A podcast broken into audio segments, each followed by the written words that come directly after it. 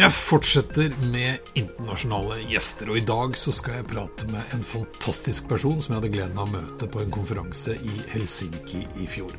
Hun jobber i dag med mangfold og mangfoldledelse og har startet selskapet Let's Just Be Imperfect Ladies. Hun heter Helene Banner, og i dag så skal vi snakke om hva hun mener er viktig å fokusere på i tiden som kommer.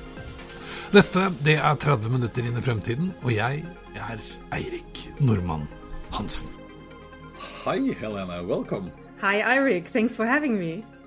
We met at the uh, She conference last year, and I was so fascinated about, you know, your approach to what is really your passion, and that's what we're going to talk a little bit about at least. Thanks so much, Eirik, and um, I really appreciate your perspective in your podcast, looking at the future because I guess what we're talking about today is already happening right now and needs to happen right now so that the future actually works out. yeah. All the time. Yeah, yeah, mm. yeah. But yeah, and that's my, you know, my my my first question, of course, is uh, how do you see uh, us, the human, you know, community going for? What what do you think is important to focus on? Looking at uh, companies, looking at um, society and also politics, where I worked for 10 years, I really think we're looking at and we need to recognize a huge change that is happening right now worldwide.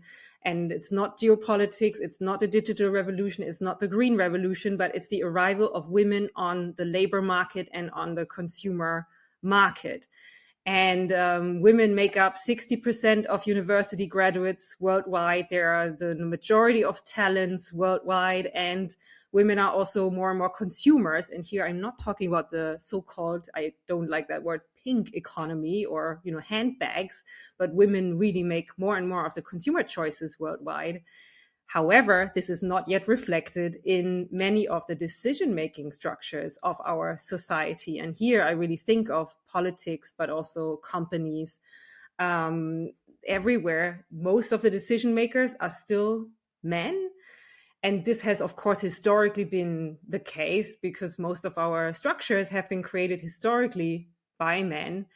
But um, it has changed so quickly now in the last let's say 50 100 years we have seen the rights of women rising and on paper we're equal but there's so much catching up to do on bringing women into decision making positions as well.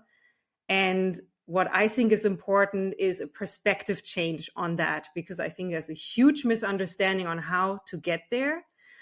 It is not about helping women to get there or empowering women to get there or uh, replacing men by women now it is about rethinking entirely how we build companies and how we build power and decision making structures, both in companies and uh, public authorities, in order to really involve more diverse leaders and to make that transition happen, not only for women, but really for everybody, because all the studies um, confirm that when there's more diversity in decision making, decisions will be more balanced and decisions will be more efficient, more innovative, and better for society. Hmm. Yeah, yeah, because as you said, this is not about just women. This uh, diversity is so much more. How, uh, do you have any, you know, favorite, I don't know definition of of diversity. How, how do you kind of think of diversity? Yes, I fully agree with you. Gender or women and men or, you know, your gender is only one dimension of diversity, right? Um, age, ethnic background, nationality, um, your professional background, um, your sexuality, all of that is part of diversity too. So if I think of my own past, I was a young woman in a leadership position at the European Commission and I was already not fulfilling two criteria of the normal, let's say, power person in that organization. I was not a man and I was not old. so diversity, I was often a young woman sitting in decision making positions and I was obviously disrupting the place because many didn't understand why I was there and couldn't really take me seriously in many occasions um, because they didn't recognize a, a value that you have a diversity in being it of a different gender or a different age.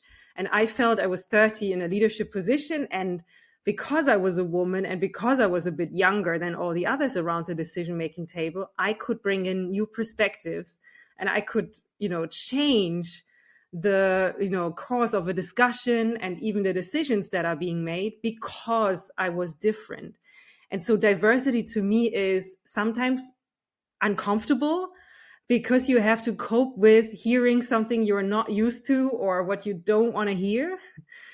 Um, but it will also open your mind and i really think that diversity is so much needed for innovation.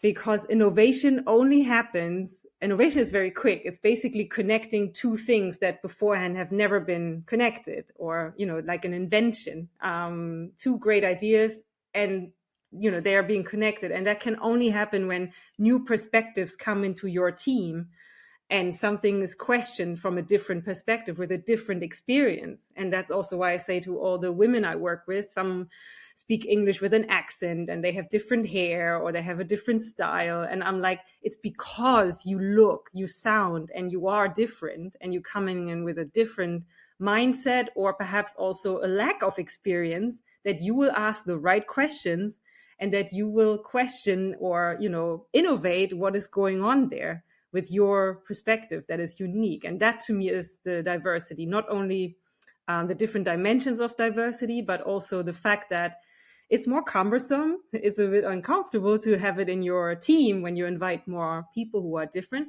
but you will also innovate more quickly, more quickly. And you, of course, you will represent better, you know, who your consumers are, um, or who society is in the broad sense. Yeah.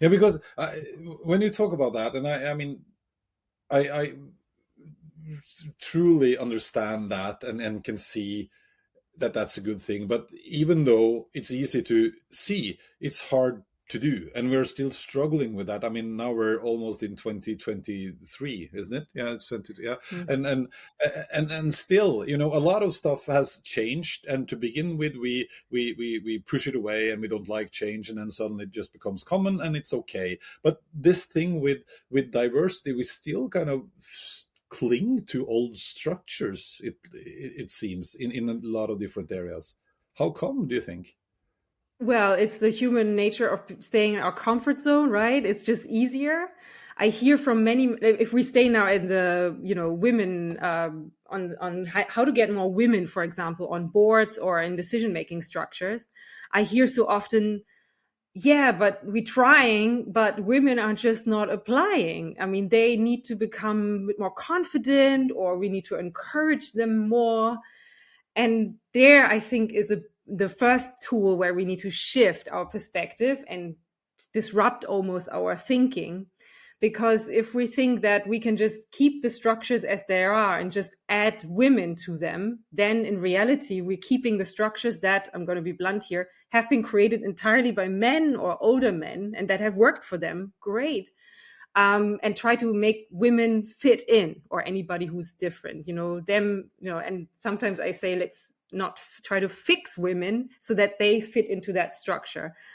I have personally had this experience being a young woman in a power position. I thought I had to fit into this structure in order to be successful and respected and grow up in the ranks until I realized, um, no, I really, I get exhausted and I cannot really be me and use my potential when I have to change myself or be someone else. I say today we need to fix the structures first and the unwritten rules of power and of work culture in order to you know make room and uh, for, for different people and for them to feel safe as well to change the perspective or to say something uncomfortable. I will give you an example for example, um, uh, rather that, you know, often it is said, let's send the women to women empowerment trainings or women mentoring, and then they will feel more, you know, courageous to be visible and to apply. Great. And oftentimes, the men or the leaders who are currently already there and who are above the glass ceiling, let me say it this way, they don't change. They keep going as usual. And they're just like, yeah, we are, our role is just to make space for women, right? And that is not enough. It is we need all all around the table. We need to look at for example women still take care most of the care work at home and have the responsibility most of the times in partnerships still of care work. And that means when are the decisions taken in your company? Is it on business trips and on evenings at the hotel bar? Or is it uh, you know at the board meeting at 12 o'clock at lunchtime when everybody can be there is it uh, what is the definition of a successful leader who gets promoted in your company? Is it the tough cookie who is you know the risky guy or girl uh, who is very visible and loud? Or uh, can it also be somebody who works part-time and is a leader because he or she uh, is a job sharing um, or uh, talks openly about mental health and has perhaps also different characteristics like uh, being an empath or um, being very good at building relationships and empowering people instead of being you know the hard boss who you know intimidates others in order to get to power. So to look at i, I know it's not easy but to look really um, and to, to these unwritten rules of power that are often invisible to those who are already there and so, how to change that is to ask and listen to those who you want to hire or those you want to get. What do you need to thrive here? What would you find important to work here? And if I, for example, look at my own country, Germany, where many, many of the publicly listed companies have only one woman on their corporate boards, or, you know, it's growing very slowly. There's still many companies who do not have one single woman on their decision making board why is it so hard for them to get women? Well, because you don't want to be that first woman, of course. It's not attractive to work in such a work environment. And so, you know, of course, the, the first um, step is not so easy, but it's about listening, opening up, and being ready to, you know, uh, and having the coming in with that mindset that you're not going to lose out as a man or there's somebody who's already there when more women or other leaders come on board but more what can you also learn from them and where's also the business opportunity in having a more diverse team here? Yeah because but, but and now you're touching in on something. I mean why is it so hard? And i never thought about that because i've started companies and uh, i almost by chance we ended up being uh, more women than when men. When we were the first 10 employees and I, I, think we had five nationalities already so it just became and that was a little bit by chance but what happened then was that that was kind of the word you know outside that you should apply here because uh, there are different uh, nationalities. It's open for everyone. There are uh, you know uh, we are more women than men. That was not the case. Uh, so so that kind of became a a um, uh, kind of a the way we could differentiate ourselves to be mm. more attractive to you know people who wanted a new job uh, but of course if we were five men at my age to begin with and then hiring the first woman that of course never thought about that wouldn't be so kind of attractive for that first woman to start how can we change that? Because if you are in a structure, then if you have your board, it's only men, and and uh, the top management team here is only men. What should we do? Yeah, I mean, first of all, so cool that you founded your company and you didn't even think of it. You just hired a diverse team, right, from different nationalities and different perspectives. That's why I love, and I've also founded my own company. I really think we're changing the world and the economy a little bit by every company that we found with our own values and our own way of seeing the world, right? You know, I love that in terms of innovating what leadership is and how the economy works in the end. Um, yeah, so the question is, what do we do about these existing structures? You know, the rusty ones. yeah. um, yeah. Well, one thing is, of course, there are now for the big companies and also in public services, there's more and more quota that is one thing that many see very critically because they're like, well, um, it should not be about the women quota. It should not be about the gender just because you are a woman that you get the post. Uh, on the other, I mean, let's talk about that. I see that argument critically because in the last zillion years. Unfortunately, it was mostly because you were a man that you got the post. Let's be very honest in these, you know, big structures. Um, but I, uh, the figures show that the woman quota works, and sometimes you need rules because, according to the you know World Economic Forum, we still need 137 years if we didn't do anything. Uh, because the growth is so slow and the change is so slow, we need a, a little bit of regulation, a little bit of a push or nudge. And here I'm a fan of incentives rather than sanctions politics has to put in sanctions for those companies who don't propose women. But you know it shows that you know these rules work. And uh, of course it's very cumbersome and difficult for some companies to to get there. But you know what they have to do in order to hire a woman. They have to become more open and change a little bit in order to make it attractive for a woman to come. And then she's the first and then you know stuff will already change now, the other thing that I love um, is incentives and nudges. I think, you know, to, twist this around again, not seeing diversity as a problem that needs solving, but as an opportunity.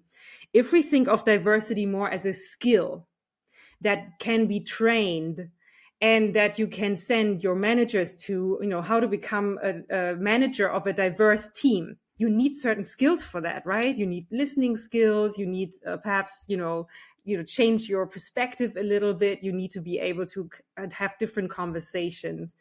And what if we were rewarding those skills in a company for your promotion for example? So many times you get promoted when you get certain you get certain KPIs in your key performance indicators you make your company grow or you reach certain numbers. Um, but what if you get also rewarded if you uh, become the top manager of a diverse team? If you increase the diversity on your team and we have already heard at the she conference that the first you know uh, people in at least from scandinavian business international businesses i've heard that that they their bonuses get capped if they don't achieve you know certain KPIs here in terms of increasing the diversity on that team. That's a great incentive. And that is also, let's put it there, an incentive for men to gain from diversity and not seeing it as a threat. Some we have to start with numbers and sometimes also cash in order to get there. Okay, I, I, why not? Um, and this is, you know, we, we need to change the perspective on, oh no, now men need to make space for women and we will lose out how can men also gain uh, on their personal career level, you know, sense uh, from from diversity, and then of course the company will gain in terms of innovation. So I think it's a matter of perspective um, to change that. If you only see it as a problem, then you will probably um, uh, dismiss it and um, delegate it to your HR department and say, okay, HR department, the human resources, can you do some trainings for our women or can you you know hire more women? Uh, or we have or we have established a diversity officer tick box not good enough.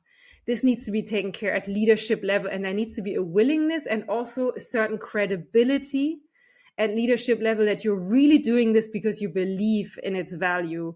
Women and many others who are not the old white men tell me they can sense if it's meant seriously by the leadership and more and more companies and who want to hire um, they will have they will have to show that uh, credibly to you know applicants that they really mean that and that it's not just a nice to have or a moral issue for them. And what i hear from london uh, recently is that more and more investors are asking for the data and they're like what how many women do you have on your board um, otherwise, I'm sorry, we cannot provide you with this, you know, capital and these loans here.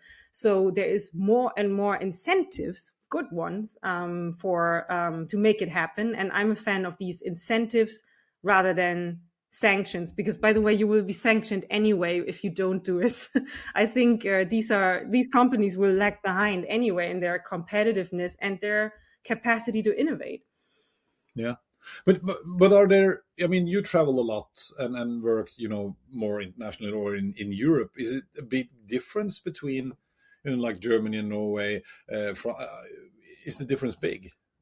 Yes, it's so shocking. I can say that as a German. uh, how low the figures are in Germany for women on corporate boards. Um, and I can tell you why that is. And by the way, Norway and Scandinavian countries here, of course, the, the leaders there, uh, also having this mindset of it's totally like you did when you founded your company. It's totally normal to have a diverse team, you know? Um, I'm born in East Germany, former uh, GDR, and I have only gotten to know when I was an adult how women, the role of women was in former West Germany or federal Germany. Women uh, and many people don't know that, but the, the, role of women in Germany, in West Germany, until the 70s was, until 1977, they didn't have the right to open their own bank account uh, uh, unless they had the uh, permission of their father or their husband until the 1970s. Of course, why? Because women were the ones who, who should have uh, stayed at home and take care of the kids while their husband is making the career that is only 50 years ago. And you can still see it today in Germany's structures, but also, I have to say, in the work culture. It is so focused on men. It is very conservative still. And uh, I will just give you an example. Um, I worked in Brussels and started my career in a very international, you know, environment, which is naturally more open to diversity when you have to be multicultural in your work environment. And then I got posted to Berlin on behalf of the EU. And so I worked as a German on behalf of Europe in my own country. And I was shocked to see the difference. I was treated as a young woman as if I was a secretary or an intern, although I was in a leadership position. And I didn't expect that. It was still very conservative and they didn't mean it. And I really say that because I'm not blaming anybody here.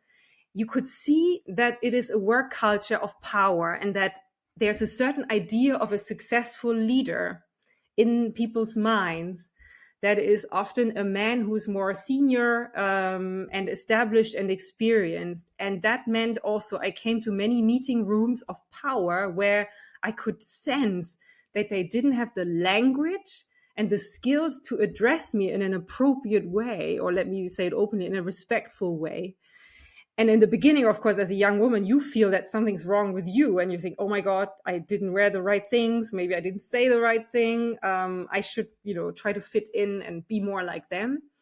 But in reality today i have a certain sense of compassion and i say can we instead of sending women to women empowerment trainings send certain men to men empowerment trainings? I really felt that they lacked the confidence to talk to me who was the age of their daughters probably in a you know eye to eye level. And it's a lack of skills again. So diversity management is a skill. And we need to all be part of that in order to make it happen. And so to come back to your initial question yes there are huge differences even in europe in terms of um, women you know the numbers of women in decision making power. But to me what is important is not only the numbers. That's not enough um, it's about not only uh, some people say it's not about counting women it's about making women count. That means not only bumps on seats as i would say but also thinking of inclusion. Do women also have a chance to uh, make their voice heard? And when women can have a chance to make their voice heard in these power environments um, others will also. People with different ethnic background um, different minorities or um, you know people with different sexualities often they tell me the similar kind of same discrimination that many women share with me. So and i believe that diversity will be broken up once more women will be there because i also feel that the leadership style of many women is naturally many men too. But um, what breaks open when more women are on the board or in a decision making um, panel is that there's more openness, um, more you know relationship building, and I also think that this changes again our economy and the way we think of products and services.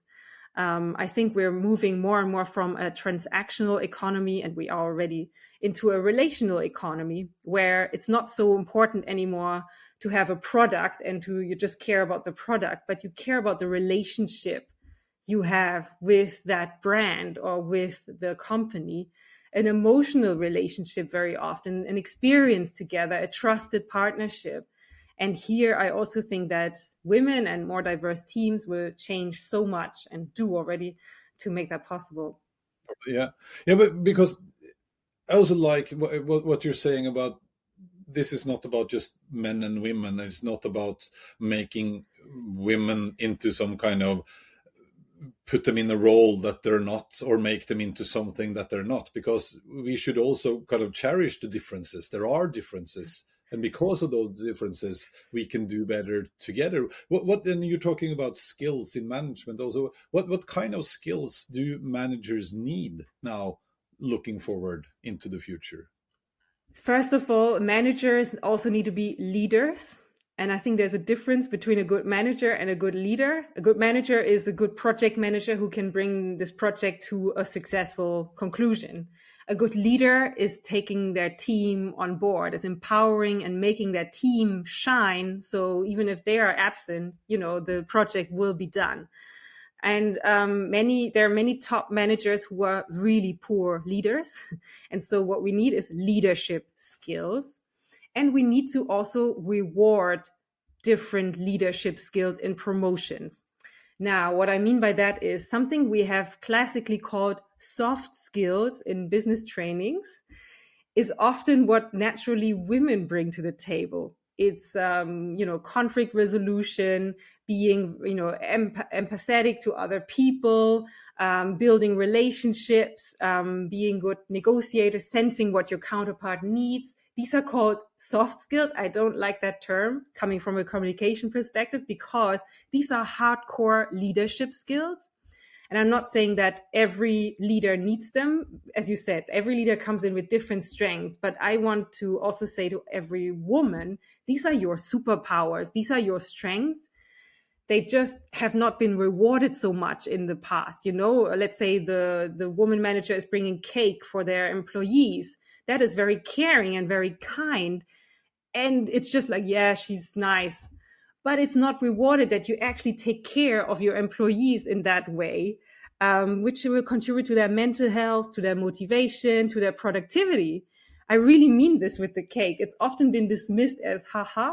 It's so important. To me, it's a leadership skill that you really care about your employees. And what needs to change though is rewards for that in your promotion and your career. So I believe what we need to train as skills is to recognize different skills as a strength and that a successful leader is not only the one who is the hard cookie uh, who is a tough negotiator and uh, you know intimidating you know alpha boss but that we have leaders who can be completely different and even the most very sensitive people can be impressive leaders because I believe management skills can be learned. You can learn how to become a project manager. Leadership skills need to be recognized because we all have them. We just have different leadership skills. And so it is about learning to recognize different leadership skills and to, again, reward them at a structural level in in careers. Make them make them like uh, kpis make them measurable because then you can um, you can actually gratify them. Yeah. And and that's really interesting because we've been very aware of you know as a as a leader uh, for a company uh, i need to recognize my skills and then find someone to complement my skills to kind of mm-hmm. if i if i'm not good at whatever i need someone in my team to be good at that looking for the skills instead of looking for you know we need a woman because we need a woman. That's not the point isn't it? Yes and you making a very strong argument here for complementarity but what you need in order to hire someone like that is courage and confidence in yourself. If you're not confident and i have also worked with non with leaders who were at the very top but who lacked confidence and what do they do they hire only people who say yes and who are like them. So it's it's also a lack of confidence and self-esteem sometimes um, and you, you so we also need training and confidence sometimes in order to dare to hire someone like you say who's different and who will challenge your opinion and your approach. And that's I, I think that's kind of funny in a way also because now it's i feel at least in norway it's more you know accepted to be more open about your feelings and your challenges and your weaknesses uh, in some areas not by far not all. And yes we have come a long way in norway in in scandinavia but there are still big differences you know in in terms of just equal pay and equal opportunities and all that stuff. It's i mean we're not there yet uh, but but uh, we're moving in the right direction. But do you think that I, I feel sometimes that that could also help? We have so much as a man. I have so much to learn from a woman or from someone different, maybe more that someone different from me. That you are the one learning and changing from that. You mean? Yeah. Yeah, I mean, do you feel? I mean, what I feel is that when more women come to the table and dare to be authentic in their let's call it feminine strength and their authenticity, I feel they open the door and they almost give you or and others the permission to also be a little bit more yourself, a human being who's authentic, who has emotions. And isn't it that many men, at least that's what I hear from many men, also had to play a role for a long time in, in order to be recognized as success person and leader, a certain idea of a successful leader, but that's not who everybody is, right? And uh, showing emotions is not feminine, it's human. and I feel that perhaps women naturally have perhaps a bit easier access to their emotions, so they show themselves perhaps a bit more vulnerably. And I mean, tell me, but I feel that opens the like a permission for everybody else around the table to also feel like, oh, right, that's you know now I can I can relax too. I can be imperfect, as I would call it, and just be me as well. That relaxes everybody. And in my opinion, that brings everybody more and more in their potential, in their true potential, not what they think they have to do, but what they really comes out of their creativity and who they are and what they love. And that's kind of the mm. point, because I guess that sometimes we spend a lot of, you know, use a lot of energy on kind of pretending to be someone else. To kind of keep those other feelings away because now I need to look strong. So I can't cry or I can't complain or I can't say that this is hard or I don't know how to do it. Uh, so so you kind of you take away the ability to solve whatever challenge that we are facing uh, because I don't need to no I don't want to kind of come out as insecure. Uh, so that kind of becomes my personal goal instead of actually doing what I should be doing. Mm. Ah, so well put. Because I think what you're just describing is a result of the work culture. If it is a work culture that is based on, I would say it, fear, fear of failure, fear of making mistakes, fear is coming across as a as an imposter, um, then everybody will try to play a role and stick to something that they perhaps not are and have to play a role. If a work culture is built on trust, uh, an openness, transparency, and the uh, allowance to make mistakes, then everybody can step into their full potential. And that, to me, by the way, Eric is true diversity when men can also be themselves, and when we see different male leaders thriving. You know, no matter who they are, if they're dads or if they have mental health issues or if they have a different sexuality, you know, I want to see more diverse men thriving, that will be the opening uh, to true diversity. Because I think the, I mean, yeah, this is a whole different topic, but I call it liberation almost of, uh, you know, that men can also feel authentic is huge because, um, yeah, there's so much potential that is also pushed down because so many men feel the pressure of fitting in and complying to an idea of of success that is to be honest outdated and that's the thing. I mean, we are just people, you know, and that's the most important thing. I just remembered, and I don't, um, uh, uh, but during the pandemic, the four countries or five countries that did best and handled it the best was Iceland, Finland, uh, I think it was Norway, and there was a few more, and all of them had female prime ministers or presidents and that's kind of interesting and i don't know if there's been done research on is that kind of correlated but it was kind of you know Hmm. And I'm not saying here, I, I, I, hear you, and I saw the same uh, articles about that. I don't think that, well, sometimes I'm being asked, are men or women better leaders? That's really not the question. I think you said earlier, women think, have different approaches to power. Um, and uh, perhaps some women leaders you know they think in different dimensions in terms of power. They think more of the people. Perhaps it's a sense of caring. Perhaps it's a different way of communicating. Perhaps they can talk to more people in their way of communicating. And perhaps that's they can also listen differently and learning from that and just opening up no matter if it's a man or woman because i also know amazing male leaders and politicians who would have done the same right? But uh, it's so wonderful to see what happens when one person does something differently. I was in the room when the first woman became the president of the european commission and it was incredible to re- see in the first minutes of her being in office what is also not possible anymore if I can say that, because you just you just open the doors, you give permission to people to be themselves, and you also show certain people, um, I'm sorry, but we can't do the deal over the glass of whiskey anymore. I'm off, and I'm not drinking alcohol. You know, it's,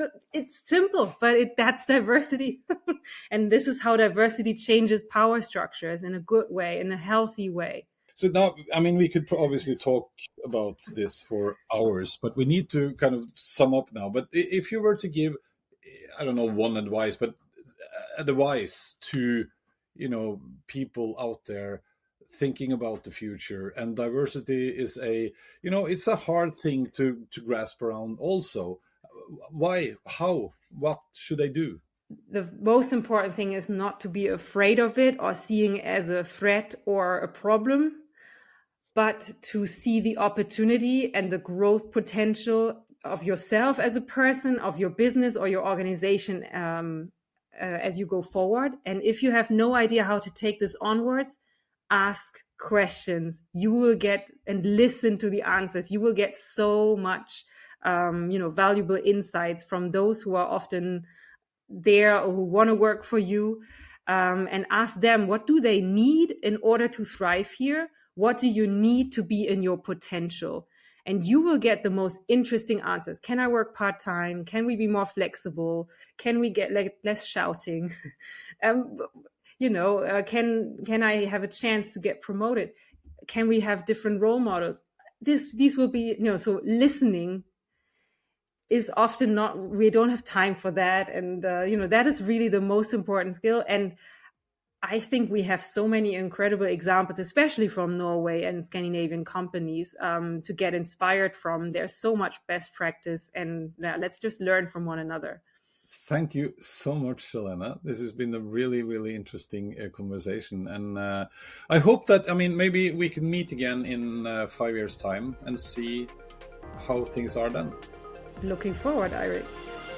Thank you so much. Thank you.